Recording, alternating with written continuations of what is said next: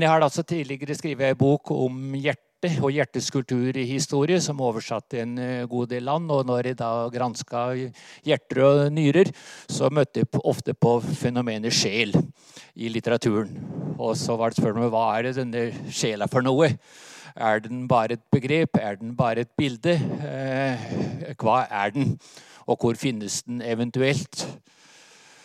Og jeg eh, skjønte jo fort at det ikke er helt tidsmessig fenomen. Ikke politisk korrekt engang. Så jeg hadde jo manus til et forlag og fikk det retur at jeg var ikke sikker på om det ville vie, eller ville ikke vie ei hel bok til et fenomen som sjela.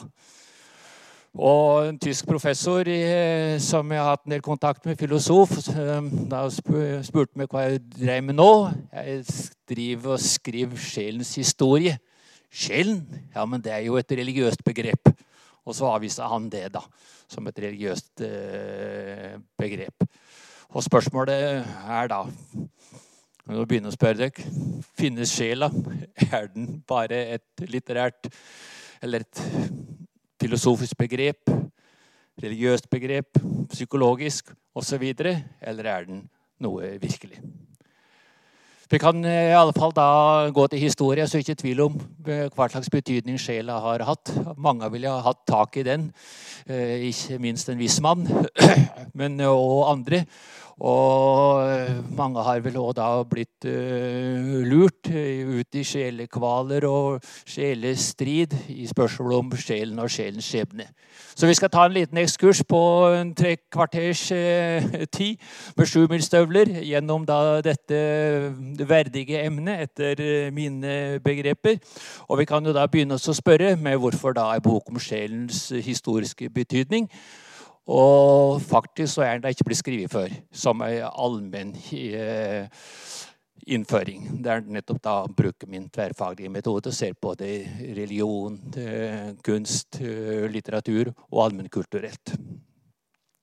Og så har den da, sjøl om den ble hevda at den er gått ut på dato, så har den da i vestlig kultur blitt ansett som menneskets sentrum, som menneskets vesenskjerne. Og det er sjelen, psyke på gresk, anima, ame, fransk, alma, spansk. Og har dreid seg om liv og død. Så skal den altså da være gått ut på dato. Og omsorg for sjelen har da siden Sokrates vært menneskets hovedoppgave. Sokrates kjenner til historien. Han gikk jo da rundt på agoraen i Aten og spurte sine medborgere om de hadde huska omsorg for sin sjel. Og det var såpass provoserende, måten han gjorde det på. Det var lang historie, det var ikke bare derfor, men det var hovedgrunnen da, med det pågående spørsmålet hans om de hadde huska omsorg for sin sjel. Og det førte til at han ble dømt til døden for å mislede ungdommen. Men denne, dette fokus på sjelen har jo da vært grunnlaget for vår kulturs uh, individualisme. Nå har jeg glemt om det er en peker her. Det er det, ja. Det, teknikken skal helst ha styr på i disse digitale tider. Det er ikke humanisters sterke side. Men den har altså da gjennomgått mange forandringer og forvandlinger gjennom tidene. Så eh, den er gått ut på dato, kanskje, men har da gjenoppstått i nye former til eh, forskjellige tider, og i vår tid. Da er det mye snakk om soul, blant annet. Og det er da spørsmål om dens videre eksistens. Det skal vi kanskje se om vi kan komme fram til et uh, svar. Men de aktuelle spørsmålene som vi da kan stille, er om den er et religiøst begrep da, og gjenstand for tro eller om den er et psykologisk begrep. Om noe psykisk, psykiske lidelser og gjenstand for terapi. Det er det paradoksale at i samme takt som sjelen da ifølge mange synes å være gått ut på dato, så er det da aldri, aldri vært så mange psykiske lidelser, antageligvis. Og da skremmende nok det blant uh, ungdom som i vår tid. Eller er den bare en uh, metafor, et bilde eller et symbol om personlige egenskaper, jf. uttrykkeren svak sjel og en hel og ren sjel. Og vi kan fortsette den lista med metaforiske eh, uttrykk om sjelen. Og det kan bare føye til. Så da kan man bare spørre er det da bare en metafor om personlige egenskaper. Eller er den et begrep i et filosofisk system? Munch, eh, som de har flotte bilder av her i byen, han opererte jo med tredeling av mennesket. Kropp, sjel og ånd. Og sjela plasserte han i hjertet. Ganske klassisk eh, antropologi i grunn. Men den tredelinga. Eller så er det jo da todeling hos Descartes. Kropp og sjel. Men eh, sjel er eh, da denne sammenheng et begrep, et filosofisk begrep eh, i et system. Og så kan da spørre er sjelen, hvis den finnes, noe medfødt, noe evig og udødelig, som blir hevda i kristendommen, eller er det noe som skapes og utvikles i en dannelsesprosess? Georg Johansen, eh, ikke ukjent bergenser, var i Bø på holdt gjesteforelesning med mine studenter i ungdomsland. Da han la opp på magen sin, og så sa han Sjel, det er bare pakk som er sjel. Så det er en ganske eh, kraftig uttalelse. Og Tom Christensen, den eh, danske modernistiske forfatteren som skrev hærverk, som en del her kanskje har lest, han sa at en skal skal, skal frykte sjelen, ikke dyrke den. Så eh, For den smaker av noe lastefullt, skriver Tom Christensen. Men det begynner altså i antikken, med Homer, 700-800 år før vår eh, tid. Som da har massevis av bilder og fortellinger da, om syke. Og fortellinger myter som da lever og i vår tid. Og Det er ganske fascinerende hvordan disse bildene om syke uh, er produktive òg. Og det er da selv hovedverka, Iliaden og Odysseen. Og poenget hos Homer, som det sikkert vet til, at sjelen er jo bare en skygge. Og den er da en skygge av kroppen og viser seg først i døden. Og det er interessant, altså Før mennesket dør, så har ikke mennesket hos Homer noe, noe sjel. Den eh, står fram først når mennesket dør, og da som en skygge av kroppen. Og det er da ganske interessant. Og drar da til Hades, dødsriket. Og det har jeg hørt om kjempa Akilles, ikke sant? som da, eh, Odysseus som den eneste får gjeste Hades. Og der da møter eh, sin kampfelle Akilles, som sitter og sturer i Hades. Han sitter og sturer for det er så trist selvsagt, av å gå rundt og være en skygge av seg sjøl. For sjølvet i eh, den greske antikken hos Homer, det er jo kroppen. Det er det kroppslige som er, eh, mennesket selv. Og eh, Derfor så sier jo da Akilles at heller ville han være den ringeste trell oppe blant levende, eller å være konge i Hades. Og det sier jo da litt om eh, det greske idealet, og hvor forskjellig det da er. F.eks. hos vår store nordiske salmedikter Kingo, som da skriver om denne verden som en jammerdal, og som et venterom for å komme inn i saligheten i det hinsidige. Jeg ser den da eh, der da sjela skulle komme hvis den skikka seg. Og den føres da eh, i gresk antikk hos uh, Homer over dødselva av ferjemann Karos og ledsaga av Hermes. Et kjent bilde som Dante bruker og andre diktere bruker, som lever videre, og forestillinger som vi fortsatt bærer med oss. Og her har vi da et kjent eh, bilde fra antikken, fra romerske lampen, nettopp da av eh, Karon og Hermes med staven, som da tar imot syke, som da har kroppens form. Og det som er verdt å merke seg her, det er jo at eh, Karon han er jo ingen truende, stygg ferjemann som den blir seinere. Karon blir jo forvandla, da. Så hos uh, Homer så er den nøytral. Han skal kort og godt føre da de dødes uh, sjeler over i dødsriket på en problematisk ferd. Så det er jo da noe som vi har fra Homer, hvor problematisk den overgangen fra levende til de døde er. At det, det er ikke gitt at den kommer sjøl til havdes. Sokrates og Platon, da er vi jo ved de store, sentrale skikkelsene i sjelens historie. Som har da gitt oss forestillinger som vi fortsatt bærer med oss. Og det som da er det interessante med antikken, det er at sjela, slik vi kan analysere oss fram, ikke er noe som er gitt. Den blir oppfunnet, den blir laga, konstruert, som det da heter i våre tider. For å løse noen problemer da, som vi kan kanskje øh, snakke litt om. Men eh, ånden, det åndelige, og fornuften er gitt. To pluss to er fire til alle tider. Og kropp er kropp. Håndgriper, og ingen kan tvile på at jeg har en kropp. Om veldig mange har problemer med hvordan de skal forholde seg til sin kropp i våre tider. Og så er det da den sokratiske appellen.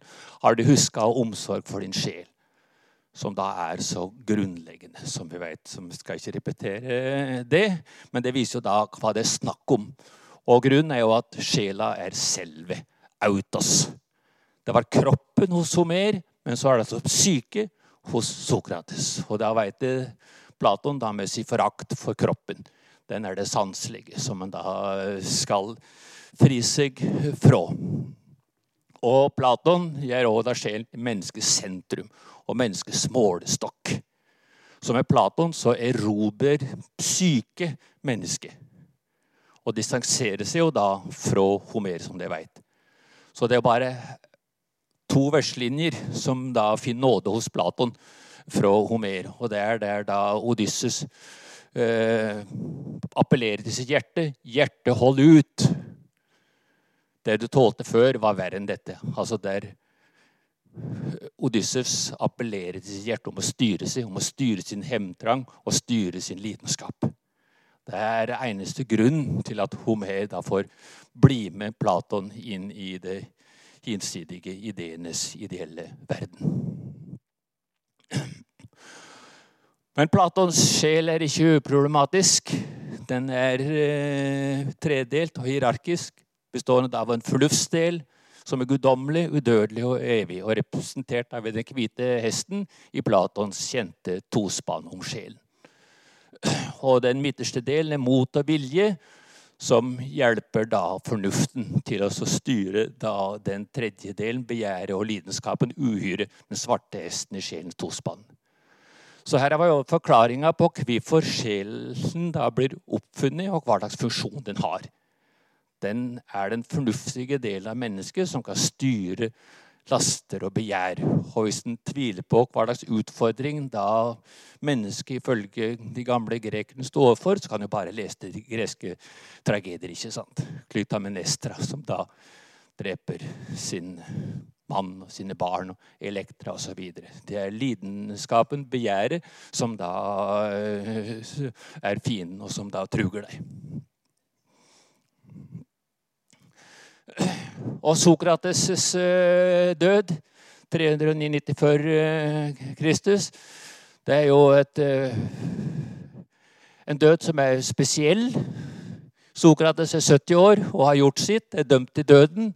Og Kriton og hans andre venner de mener at ja, men flykt Sokrates. Men Sokrates nekter jo å flykte. Og de har dømt meg til døden og en lovlydig øh, borger. Så eh, jeg tar uh, giftbegeret, og nå reiser jeg da til de ikke evige jaktmarker, men til da et hinsidig, ideelt rike, der en da kan møte sine tidligere avdøde helter fra uh, klassisk gresk litteratur og historie. Så, men så åpner den før, men ingen veit hvem som går til det bedre, jeg som forlater livet, eller det som blir igjen uten Guden, legger han da til. Så er det da Aristoteles som da er motstykket, som det vet, til eh, Platon, og det gjelder å syne på sjela. Mens da sjela hos Platon har en hinsidig bestemmelse, så har den en dennesidig bestemmelse hos Aristoteles. Og Aristoteles går også da fra dualisme til monisme. Altså et enhetlig, helhetlig system der det ikke er dette skisme mellom kropp og sjel. som da har vært filosofiens utfordring fra Platon og da like til våre dager. Det er forresten ikke Platon som er ansvarlig for dualismen. Orfikerne og pythagoreerne var òg dualister. Bare for at ikke alt skal leses på Platon. Og For Aristoteles er sjelen et livsprinsipp, og det er interessant. Så sjela er ikke da dette åndsprinsippet, fornuftsprinsippet, som det var hos Platon, men det er noe organisk noe. Og det som besjeler naturen, besjeler alt levende. En forestilling som også lever stadig vekk. Og sjela er òg da det som gir form. Hvorfor ligner en hest en hest og ikke en elefant? Eh, så er det for at jo, fenomenet hest har en sjel som da gir hesten den forma den skal ha.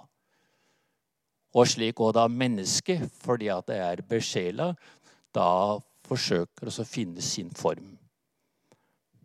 Og det kan vi vel kjenne oss litt igjen i. At den som mener at sjel er en realitet, føler seg forplikta av noe. Det er noe en gjør og ikke gjør, fordi at en har en sjel å ivareta. Og for eh, Aristoteles er det også slik at sjela den er gitt som livsprinsipp, men den forma den skal ha, særlig for mennesket, den er ikke gitt. Den må utvikles. Og utvikles gjennom enteleki, dvs. Si ei vakker form, ei heil form, ei fullkommen form. Og da til slutt blir rein form. Og når da sjela blir rein form, ja, så har den jo ikke lenger substans. Da kan den få vinger og fly, som jo er en vanlig forestilling om sjela. da. Den kan fri seg fra det jordiske. Så det er det eneste punktet at også da Aristoteles antageligvis åpner for noe hinsidig. Altså den fornuftige, formfullendte sjela, den kan nå noe guddommelig. Men ikke noe fordømmelse om å eh, komme hos Hades pga. sine gjerninger. Du blir bare en dvask, uformelig masse hvis du ikke pleier det sjel. Så er det seinantikken. Det er interessant, altså fra Kristi fødsel og så uh, framover. Eh, da Det er jo eh, Vi har helenisme og Romerrikets tid, de store latinske eh, diktere. Og det er jo ei pluralistisk tid. Er, da er det New Age. Romerne de dyrker egyptiske guder, de dyrker persiske guder. Kristendommen er i ferd med å komme på banen, og en prøver å fortsatt holde litt liv i de greske guder. Men det er et livssynsmarked uten like. Og da er I denne tida da, så er det jo da den romerske eliten eh, som da fører videre deler av den romerske eliten som fører videre da Platons idealer i form av nyplatonisme, med da Plotin som den fremste talsmannen. Og han er jo mange som leser i dag og ser på han som et forbilde den dag i dag en kan lære noe om mennesket av. Og mennesket ifølge Plotning er da en helhet med kropp, soma, sjel, psyke og fornuft, ånd, nos. Og sjela kan da besjele kroppen og sjøl løfte seg og fri seg fra kroppen og alt det jordiske hos, uh, hos uh, Plutin. Og sjelens mål er å bli del av det ene, ånden som alt strømmer ut fra ved emanasjon. Altså det hierarkiske bildet. Vi har det ene ånden, åndsprinsippet der oppe, som da gjennomstrømmer eh, resten av skapningen. Slik at alt som finnes, har noe av det åndelige, av det ene, i seg. Og kan òg da finne tilbake til det ene, og så gå da opp i dette høyere livsprinsippet og fri seg fra det jordiske, kroppslige, sanselige, som da hos Plotin er, når det kommer til etikken, er mindreverdig. Men når det gjelder det virkelige synet, så er han ikke moralist og dualist på samme måte. Men moralsk så er han det, for mennesket skal fri seg fra dette sanselige jordiske for også da kunne bli del i noe høyere. Og den omsorgen for sjelen som blir moten, altså, var da et eh, favorittmotiv òg i kunsten.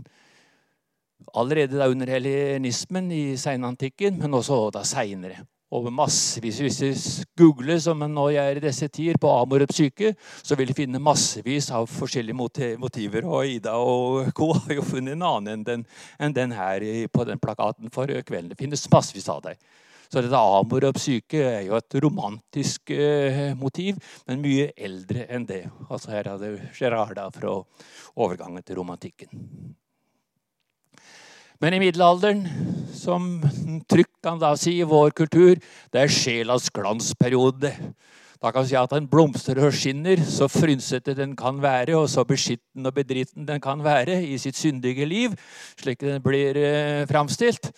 Og da, Dette er jo den tida alle vil ha tak i sjela. Fanden står klar ved dødsleir for å gripe tak i, eh, i, sjela og føre den da til eh, helvete. Mens her er det en som tydeligvis eh, med sin trufaste hustru ved sin side har levd slik at sjela kan frelses, og blir da tatt imot av engler. Det er middelaldertegn tysk. Og denne forestillinga at sjela som et lite menneske, den var veldig utbredd.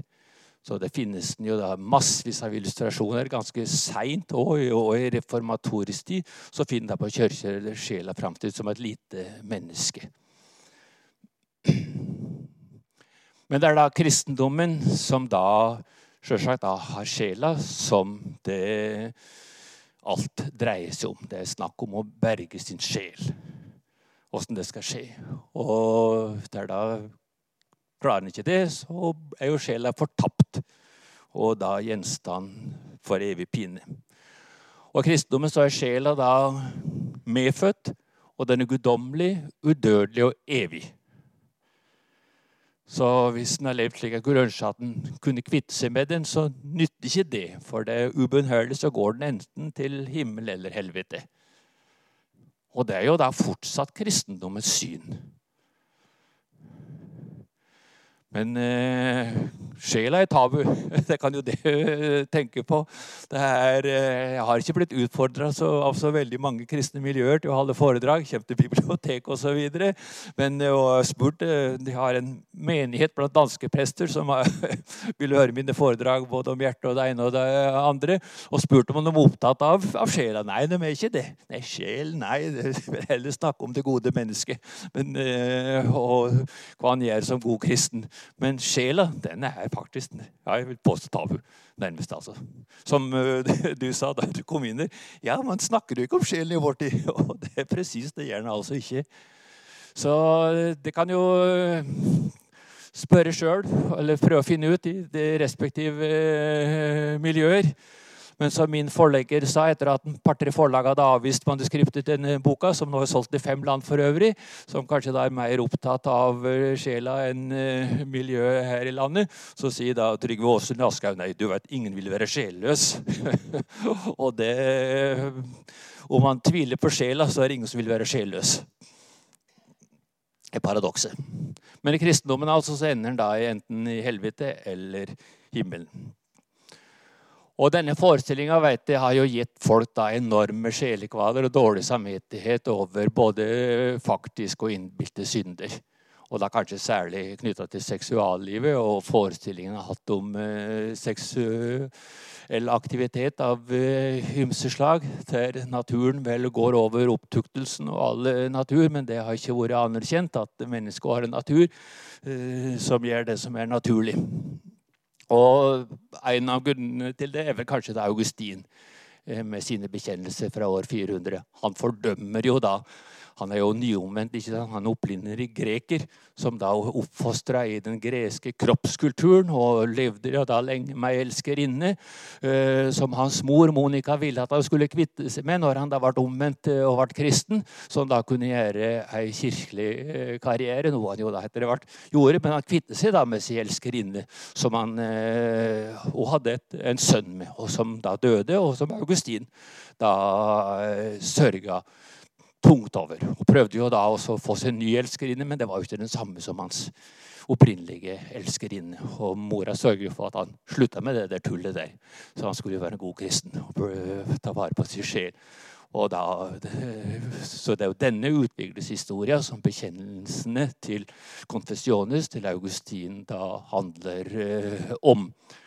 Eh, og som har da hatt en enorm betydning. Noen sier at nest etter Bibelen så er det Augustins bekjennelser som da er den boka som har hatt størst betydning i europeisk kultur. Og det er det sjølsagt veldig mye i. Det er vanskelig å være uenig i det, tror jeg om det ikke er den boka som leses mest i dag. Men den er fortsatt ganske fascinerende å lese.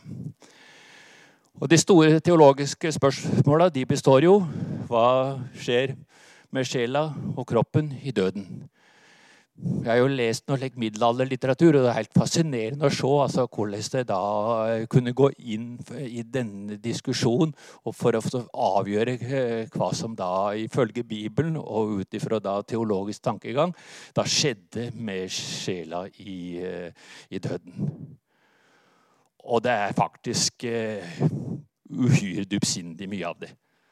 Han kan eh, le av det, si at diskutere hvor mange sjeler det er plass til på månen osv. Det er skinndiskusjoner, men hvis en virkelig går inn på de store Donus Scott, Bonaventura, Bernada Clervaux osv., så, så er det eh, tenkere på et nivå som ja, få kan mestre i dag. altså. De brukte jo all sine åndskrefter, intellektuelle kraft, på å løse disse spørsmålene. Og kan faktisk, faktisk si at det har et, løsning. Altså Det fant sitt svar. Forskjellige svar. Men det som ble dominerende, det var jo Thomas Aquinas. Som da faktisk ikke er eh, dualist, men monist. Altså Satan er en forfallsform. Altså Det er den falne engelen. Som da ikke lykkes i å gjøre det gode, og derfor så gjør han heller noe negativt. Og det er jo et fenomen som en kjenner. Og spørsmålet som de òg da stilte, var om blir mennesket frelst ved gode gjerninger eller tru aleine? Der Augustin sier nei, blir frelst ved ditt tru. For arvesynda klarer du ikke å fri deg fra, samme hvor mye du prøver. Og så er det da Pelagus som sier nei, mennesket må prøve å frelse seg sjøl, og kan òg bidra til sin egen frelse ved å gjøre gode gjerninger. Og katolikkene legger jo større vekt på det enn Luther kom til å gjøre. Luther Augustiner begynte jo som augustinermunk og sier at nei, mennesket eh, må stole på Guds nåde og bli frelst ved Guds nåde. Og dette, Denne illustrasjonen har dere sikkert sett. Altså helvete Snakk om sjela finnes. Kan jo like stor grad og enda større grad kanskje spørre om helvete. Og helvete har kanskje heller ikke den uh, samme uh, kursen på børsen som den har hatt uh, tidligere. Så, men det er få fenomener som appellerer slik til fantasien da, som, som helvete, sjøl om det er relativt lite omhandla i Bibelen. Men det appellerer til folks fantasi, og det appellerer til kunstnernes fantasi. Og her er det da tidebok. Hertug, Hertugen av Berries rikeste timer, heter det. Letteresse richeur til denne han er vel belgisk, denne Berry. Det er fantastiske. Det er jo massevis av illustrasjoner. De kan google på det, så ser de da Der er jo da de seinmiddelalderlige illustrasjonene eh, skildra i et fantastisk rikt verk. da. Og Hvis du går inn på, bare ser på detaljene, hva slags pinsler eh, smådjevlene og større djevler da, påfører uh, de dødes uh, sjeler, så ja, kan man få gåsehud av mindre. Og det kan man òg få når man leser Dante. Som altså da er eh, eh, eh tomist, altså tilhenger av Thomas Aquinas' eh, lære, og omsetter da litterært de forestillingene som Thomas Hakvinas hadde om menneske og menneskesjel og sjelens skjebne i det hinsidige. Og Dante skildres som det vet, av de tre dødsriker, og av disse er jo da særlig Inferno og helvete som uh, har vekt interesse blant leserne. Det er jo fantastisk litteratur.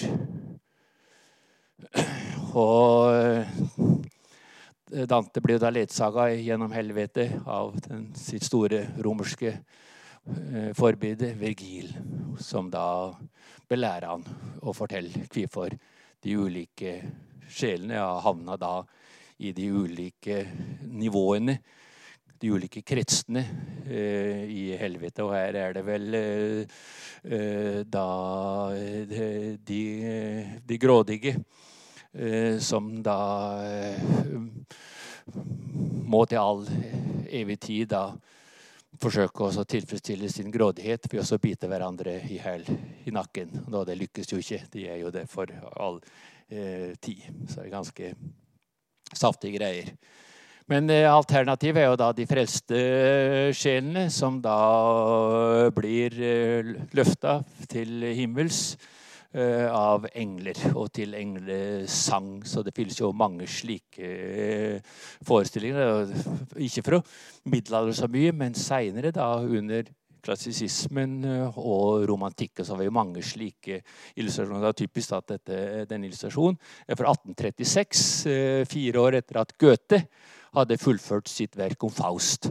Faust handler jo om veddemålet om, om Fausts sjel om det er fanden eller Vår Herre som skal få den. Og den ender jo med, som de vel veit, at Faust da blir frelst, og til englesang da blir løfta inn i de salige sfærer pga. Gretchen, da, som har hatt mer truskap enn eh, Faust sjøl hadde. Men middelalderen blir jo da Vi går jo med sjumilsstøvler her. Så vi tar store steg. Men vi skal da presentere sjelas historie i løpet av forelesningstime. Så da må vi gjøre det på den måten. Og så har de anledning til å skaffe dere en bok hvis de vil ha detaljene, mellomregningene. Og ikke gå med sjumilsstøvler, men med små steg. Så da går vi til renessansen, som jo er vendepunkt i europeisk kultur for så mye.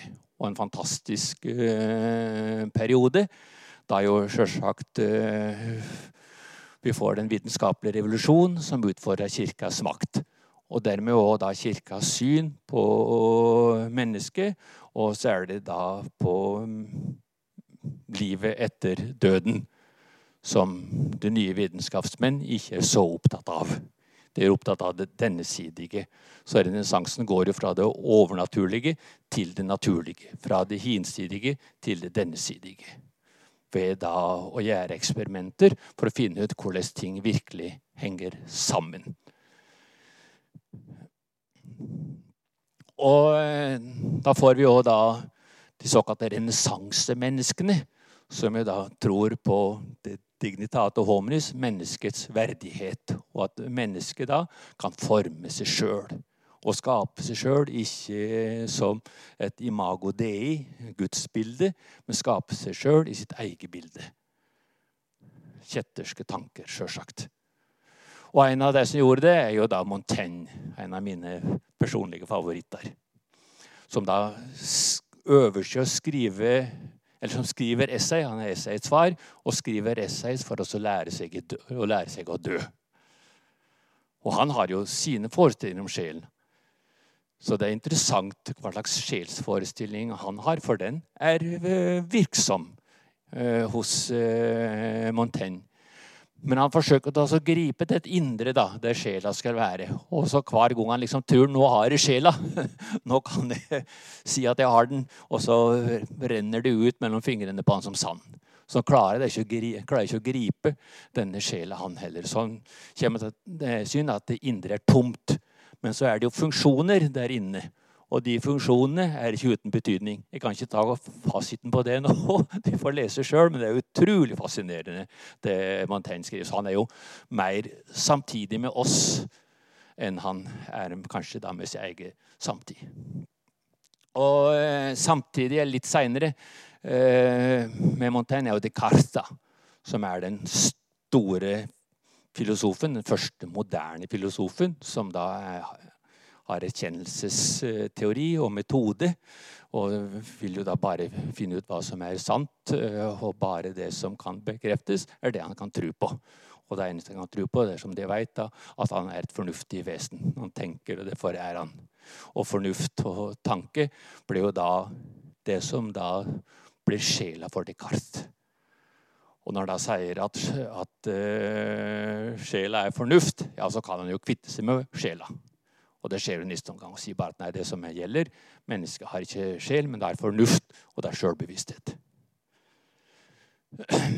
Men eh, Descartes han opererer da med en dualisme mellom kropp og sjel. Som mange sier har vært skjebnesvanger, da, for det har, det gjort at mennesket i europeisk tenkning har blitt splitta mellom det kroppslige, sanselige og det denne side, og sjela og det som da har en hinsidig bestemmelse. Og så, når da sjela og det åndelige og fornuftige blir skilt fra kroppen, ja, så blir kroppen redusert. Så det er kanskje den største skaden. For da blir jo da kroppen noe mekanisk. Noe forstått omtrent som eh, en, en newtonsk natur etter hvert når Newton kommer. da. Men altså et mekanisk urverk. da. Så Derfor kunne Descartes si at dyr hadde ikke følelser, for det hadde ikke sjel. Så Derfor kunne han bare dissekere dyr, spikre det levende opp på veggen og så skjære det opp. Og hvis det sprella litt med armer og bein, så, eller bein eh, stort sett, så var det bare mekaniske eh, reaksjoner.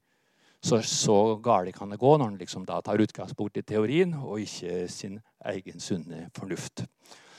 Og Descartes han eh, er jo da og anatom. Vi lever jo i den vitenskapelige revolusjonstid.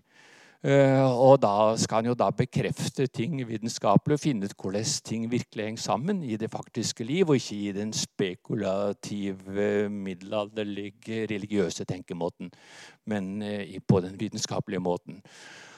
Og eh, da det er den kuriositet i dag at da naturen kan finne sjela da, ved å dissekere kroppen. Hadde den sittet i Hjertet? Nei, for hjertet er ei blodpumpe. Slår jo da eh, Det har vi fast i 1628 i en avhandling etter å ha gjort av sine undersøkelser om hvordan dette egentlig henger eh, sammen. Og eh, Descartes han mener han finner sjela, for at sjela er knytta til tankeevnen, og tanken, fornuften, hører jo hjemme i hjernen. Og da må jo eh, sjela sitte der. Og det som da er mellom høyre og venstre hjernehalvdel, det er jo denne uh, konglekjerten, glandula pinealis, som da binder høyre og venstre hjernehalvdel sammen, men som òg binder kropp og fornuft sammen. Hjerne og resten av kroppen. Så der blir da uh, sjela plassert. Hurra! Gåta er løst. Sjela sitter i glandula pinealis.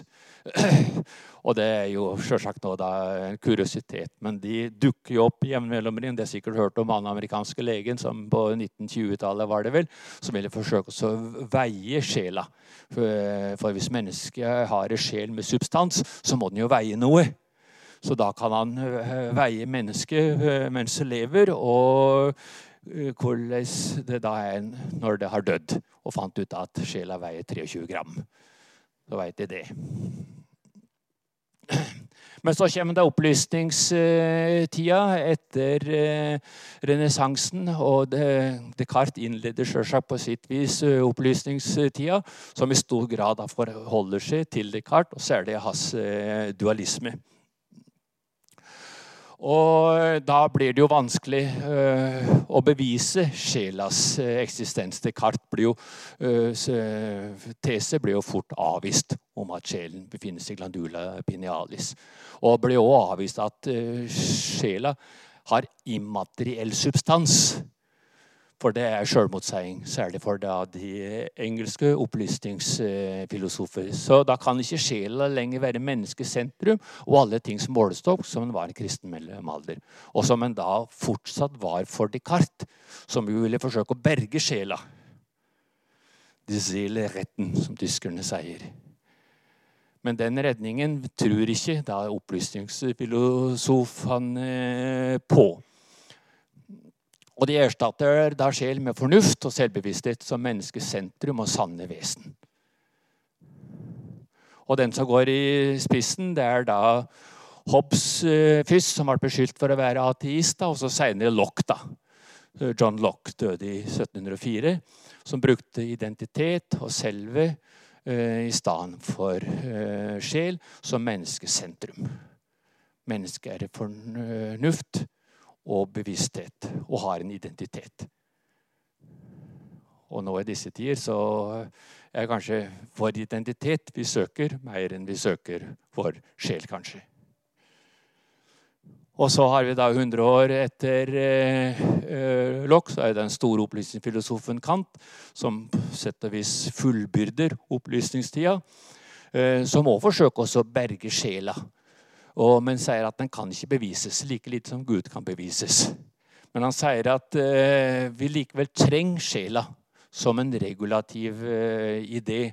For at hvis ikke uh, mennesket tror på et udødelig liv, og at det en da gjør og ikke gjør, får konsekvenser for all evighet, ja, så vil moralen gå i oppløsning. For da kan han drikke og hore så mye han vil uten at det får konsekvenser. Så stor tillit hadde da fornuftsfilosofen Kant til menneskets fornuft. Og vi kan kanskje gi han rett si som øh, djevelen sier til Faust. Eller som han sier til Vår Herre. Ja, men du, din edle skapning, er den så edel, da? Se hvordan mennesket bruker fornuften. Bruker det bare for å være verre enn et hvilket som helst dyr. Bruker det fornuften bare for å være verre enn et hvilket som helst dyr. Nur tirischer all jedes Tier zu sein, si for Herre. Nei, si djevelen til vår Herre. Men altså Kant sier at vi trenger sjel og tro på sjelens frelsefortapelse på dommedag for å handle moralsk rett i dette livet. Men så kommer romantikken, da, som skulle tro at liksom sjelas dager var talte i og med opplysningstida. Men så kommer altså romantikken, som er meget sjelfull tid. Og der alt er besjela. Og romantikerne dyrker sjela ved å følge hjertets stemme. Det har du hørt om. ikke sant? Skal være trufast mot eh, hjertets stemme. Skal følge hjertet sitt, og ikke bare hjernen og fornuftens uh, impulser og stemme. Og For romantikerne så ligger da sjelas frelse i kjærligheten det gjør vel, og i kristendommen. Gud er kjærlighet, osv. Eh, men i eh, romantikken så blir jo da dette den dominerende filosofien. Følelsene ligger til grunn. Det er ikke slik at romantikerne avviste fornuften, men de mener at fornuftsfilosofene var for ensidige og glemte følelsene, og da særlig eh, kjærligheten da, som norm. Og eh, romantikerne de besjeler òg da naturen. I tradisjon etter Spinoza blant eh, andre, som var panteist, den store eh, jødisk-nederlandske filosofen som Arne Næss hadde som inspirasjonskilde i sin økofilosofi. Men for romantikerne så er altså verden besjela. Og sjelen er av guddommelig opprinnelse. Så derfor så dyrker jo da romantikerne naturen som om de er i kirka. Den er hellig og har sine hellige plasser. Og eh, Derfor så er jo da sjela for romantikerne, da, som de fleste av dem er jo kristne. Goethe, f.eks. Men det var jo også uh, mange av disse store franske opplysningsfilosofene. Uh, Voltaire, f.eks. De var deister. De kritiserte kirka og den katolske kirka mer enn de kritiserte kristendommen. Det kan kanskje òg huske, da. Og Goethes Faust er jo da sjeledramaet framfor noen andre, der jo da handlinga dreier seg om et veddemål om Fausts sjel, om den kan frelses. Og naturen for eh, romantikerne blir jo òg da bildet på noe indre. De dyrker den ytre, vakre naturen for å finne uttrykk for det som rører seg i sitt indre. Så derfor er da romantikken språkets og kunstens store tid. Og vi har da en eh, estetisk revolusjon i romantikken. Ikke bare kan eh, vi si, en antropologisk revolusjon, men òg en estetisk. Og den store tyske Kaspar David Friedrich før jeg gikk hit, var innom borte på Kode 2 eh, og så på I.C. Dahls eh, bilder samtidig med Kaspar David Friedrich og påvirka av han. Og Kaspar David Friedrich han sier jo da at kunstens oppgave er ikke å skildre den ytre naturen, men også bruke naturens bilder for å opplyse og skildre det som røres i menneskets indre, altså menneskets følelser. Kaspar David Friedrich, sjelens maler. Og Da ser du hvordan denne kvinna er plassert. Eh, der hun har hjertet, eh, er jo òg da sola. Så parallellitet mellom sol og hjerte. Menneskets eh, sentrum og universets sentrum. 'Kvinnen i morgensol' heter dette her. 1818. Og eh, han trenger jo ikke gå til tyske balere. Vi, jo, vi har norsk natur tatt fra hytta mi i Rauland. Så han kan kanskje bli religiøs av mindre. Så det er vel slik det er for oss nordmenn. Om vi ikke er født med ski på beina, så har vi iallfall et nært forhold til eh, naturen. Men eh, jeg har ikke gått Friedrichs vei, tatt fotografiapparatet mitt. Og vi har jo vår Wergeland, som er sjelens dikter massevis av snakk om sjelen hos uh, Wergeland. Bl.a. da i uh, hans sjølbiografiske dikt uh, 'Meg selv'. Hvilken rikdom for en dødelig, utbryter han der. Min sjel fryder seg i himmelens forhørsglede og skal delta i jordens. Så analogt forhold mellom det indre og det kosmiske. Og seinere i diktet det er slektskap mellom sjelen og stjernene. Den triner i stjernelyset utenfor ansiktets forrem hvis foldene er forsvunnet, skriver Bergeland som en sann romantiker. Men det er sjelens skjebne vi skal eh, gjøre greie for. Er den gått ut på dato, eller uh, lever den? Rør den på sig, som det heter i den svenske vitsen, som dere sikkert har hørt. Han er død, ja, men han rør jo på sig, som uh, sier den andre om naboen som er død. Angivelig. Og Kirkegård er da selves dikter.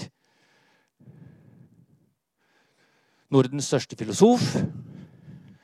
Og han representerer en overgang fra sjel til psyke. Altså fra det religiøse til det psykologiske, samtidig som han da bevarer det religiøse. Kirkegård er jo prest. Og en troende prest som tror på sjelens frelse. Men samtidig så tror han på sjelens ubotelige ensomhet, som den svenske dikteren sier. Og da den problematiske, tvilende, ambivalente, engstelige sjelen. Så han forstår sjelen både religiøst og psykologisk. Og kommer jo da med denne kjente forståelse av angst som noe annet enn frykt. Angsten er det det dette som mangler objekt, dette diffuse, som bare kommer over en uten at en riktig veit hvorfor, og som er noe sammensatt og problematisk noe, men som fyller hele personen i et splitta sinn. Men Kirkegaard legger jo da vekt på valget og et ekte, autentisk liv. Det er det som da gjør han til eksistensialismens forgjenger. Og senere inspirator. Og sjelen hos han frelses ved at personen er trofast mot seg selv og kan velge seg selv. Og det vil jo da si å ta vare på sin sjel. Så da er vi tilbake til Sokrates og Paulus. Ta vare på sin sjel. For hva hjelper det et menneske om det vinner hele verden, men taper sin sjel, som det da heter i kristendommen? Og å tape sin sjel på kirkegård betyr jo at den da ikke kan velge seg selv. Og selve er jo da først og fremst inkarnert i og med sjela. Så det er jo, Vi leser jo enten-eller av Kirkegård, men glemmer da alle hans oppbyggelige skrifter, som da er religiøse, og dem som da er preikner, som han har eh, Om han ikke har helligdag, så har han skrevet deg. Oppbyggelige tanker, som han kaller det. Men eh, før eh, og like etter kirkeår så har vi da vitenskapen. Og det er jo kanskje da den som har problematisert sjela for oss. For Darwin kommer jo i 1859 med sine, sitt verk 'Origin of the Spaces', artenes opprinnelse. Og da blir da spørsmålet ja, har naturen sjel? Og har mennesket sjel? Står vi overfor en sjelløs natur eller en naturlig sjel? Da er ikke gudgitt i tilfelle. For ifølge Darwin så er jo mennesket ikke skapt i Guds bilde, men i en gradvis evolusjon gjennom tusenvis av år. Der det går fra primitiv eh, organisk liv til noe avansert. Der mennesket da er ja, kronen på verket, om de vil, det mest kompliserte vesen med fornuft. Og da spørs det, da, når kommer sjela inn? Kommer den når mennesket, eller evolusjonen, går fra krypdyr til pattedyr, og fra pattedyr til primater, apekatter. Eh, og, eller kommer sjela inn av mennesket for språk? Og språk fikk de jo i alle fall for 40 000 år siden, og ikke for 6000 år siden, som da den, de kristne teologene i middelalderen eh, mente. De hadde jo tidfesta når verden da ble skapt. Så etter eh, Darwin så blir det jo veldig vanskelig å tro på en medfødt sjel. Da må man iallfall omdefinere hva det er. da. Det er noe som da kan jeg si da, som romantikerne, at naturen er besjela. Og det er det som er underverket når da naturen, eh, skal vi si, eh, finner si form, og åssen den skal overleve på en fornuftig måte som ivaretar liv. Men det er da, hvis vi går naturvitenskapelig og biologisk verks, så vet vi at det er flytende overganger mellom dyr og mennesker. Og allerede grekerne sa jo da at det mest primitive mennesket var mer primitivt enn det mest avanserte dyret. Og det kan han jo av og til være enig i når han ser rundt om seg i verden. Det er få dyr som dreper bare for moro skyld. Eller for å påføre andre bevisst ondskap. Så kan en spørre da om sjelen er et produkt av utviklinga eller av dannelse. Altså at mennesket finner ut at det trenger et begrep, trenger et fenomen som sjela for å få orden på sine ulike motstridende krefter. Og ordne dem i et filosofisk system, f.eks. Så er vi født med sjelsevner på samme måte som vi er født med språkevne. Vi vet jo da at mennesket er født med språkevne, men hvis det ikke da blir stimulert i noen avgjørende år i barndommen, ja, så vil mennesket ikke utvikle språk. Og de som da går, blir språklig understimulert, er jo vårt, et av de store utfordringene i vårt samfunn. At mange barn stiller jo med et handikap ja, nærmest fra fødselen av eller fra første barneår og vil aldri kunne ta igjen det de har gått glipp av som språklig stimulering. Og slik er det og kanskje da med sjelelige emner som empati, f.eks., som også må utvikles. da. Og så kommer Freud til psykoanalysen, der eh, sjela er noe ubevisst og irrasjonelt, fullt av komplekser og tabu. Så er det knytta til seksuallivet. og Derfor blir jo da psyken irrasjonell og fortrenger ting, slik at det egentlig menneskelige foregår i det ubevisste. Og sjel blir da psyke. Så i vår tid kan en godt snakke om syke og psykiske lidelser, men kanskje mer problematisk ikke om sjelen. Men kan kanskje snakke om sjelelige lidelser, men ikke om sjelen. Og så kan vi spørre da om denne psykologiseringa av sjelelivet og betyr en reduksjon. For da tar jo det utgangspunkt i sjela som noe irrasjonelt og noe som er befengt med tabu og kompleks osv. Og så kan vi også spørre om sjela er noe mer enn det psykiske. Og hva dette mer er. Men i samme grad, eller samme kan vi si, tempo som sjela da blir svekka i filosofien og i vitenskapen. For i, i, i filosofien bruker han ikke sjel lenger. Det er gått ut på dato. Det kan han trygt si. Eh, men i enkle vitenskaper så bruker den jo fortsatt sjel. F.eks. tyske filosofer i den filosofiske antropologien opererer med, med zele. Men i diktinga så er jo Sjel er levende. Karl Ove Knausgård skriver om sjel, og knytter den bl.a. til blikket, som da røper menneskets uh, sjel. Uh, og dette skjer jo da i de psykologiske romanene på 1800-tallet. Men allerede Shakespeare skildrer jo da det komplekse sjelelivet. Og det kanskje ikke klar over, at i, i, Hamlet så er da soul, sjel, nevnt uh, over 30 ganger. Så for Shakespeare er da sjela et problem. Men det blir da et sentralt tema i moderne dikting med Dostojevskij og Hamsun. Og det indre sjelige hovedmotivet på 1900-tallet. Romaner fra James Joyce og Virginia Woolf til John Cutsie og Knausgård. Cutsie, nobelprisvinner, ikke sant? han har jo et platonisk syn på menneskets sjel. Og, skriver, tematiserer sjela direkte. Og det er inspirert av Freud og moderne psykologi. Så kan vi da spørre, når vi er mot slutten, bruker vi tida, det er hvilken betydning sjelen har i vår tid. Består den som religiøst begrep for deg som tror bare, eller er det et psykologisk begrep om syke og psykiske lidelser? Eller er det et teoretisk filosofisk begrep, et menneskesyn, et bilde på personlige egenskaper, sterk og svak sjel osv.? Eller er det et allment begrep om menneskets indre for summen av følelser og personlige holdninger? Og hvis vi lurer på hvor jeg står, så er jeg vel som kulturviter omtrent der. Noe sammensatt og komplekst, noe subjektivt og vanskelig å identifisere. Men noe vi trenger for å få grep om og grep på det som rører seg i vårt indre. Og så kan jeg jo si til slutt at sjela er vår frihet til å definere oss selv som mennesker. Det er mitt bud, som danskene sier, mitt forslag på hva sjel er. Og da ser jeg at det blir dårlig tid til diskusjon, men det, da kan jeg jo avrunde med å vise beviset på at jo, den rør på seg. Sjelen eh, lever i alle fall hos kunstnere, som da hos en moderne, modernistisk kunstner, som Frans Widde bilde som jeg tror finnes her i Bergen. Jeg lykkes ikke å spore det opp i dag, men sjelen våkner. Dette bildet av Widerberg fra 1986 viser at det er ikke bare Munch og Hamsun og andre som da tror på menneskets sjel. Den er jo bleik påvirka hvis det ikke jeg har allerede sett det, intertekstualiteten i bildet, men dette er jo et bleik eh, motiv. Eh, da.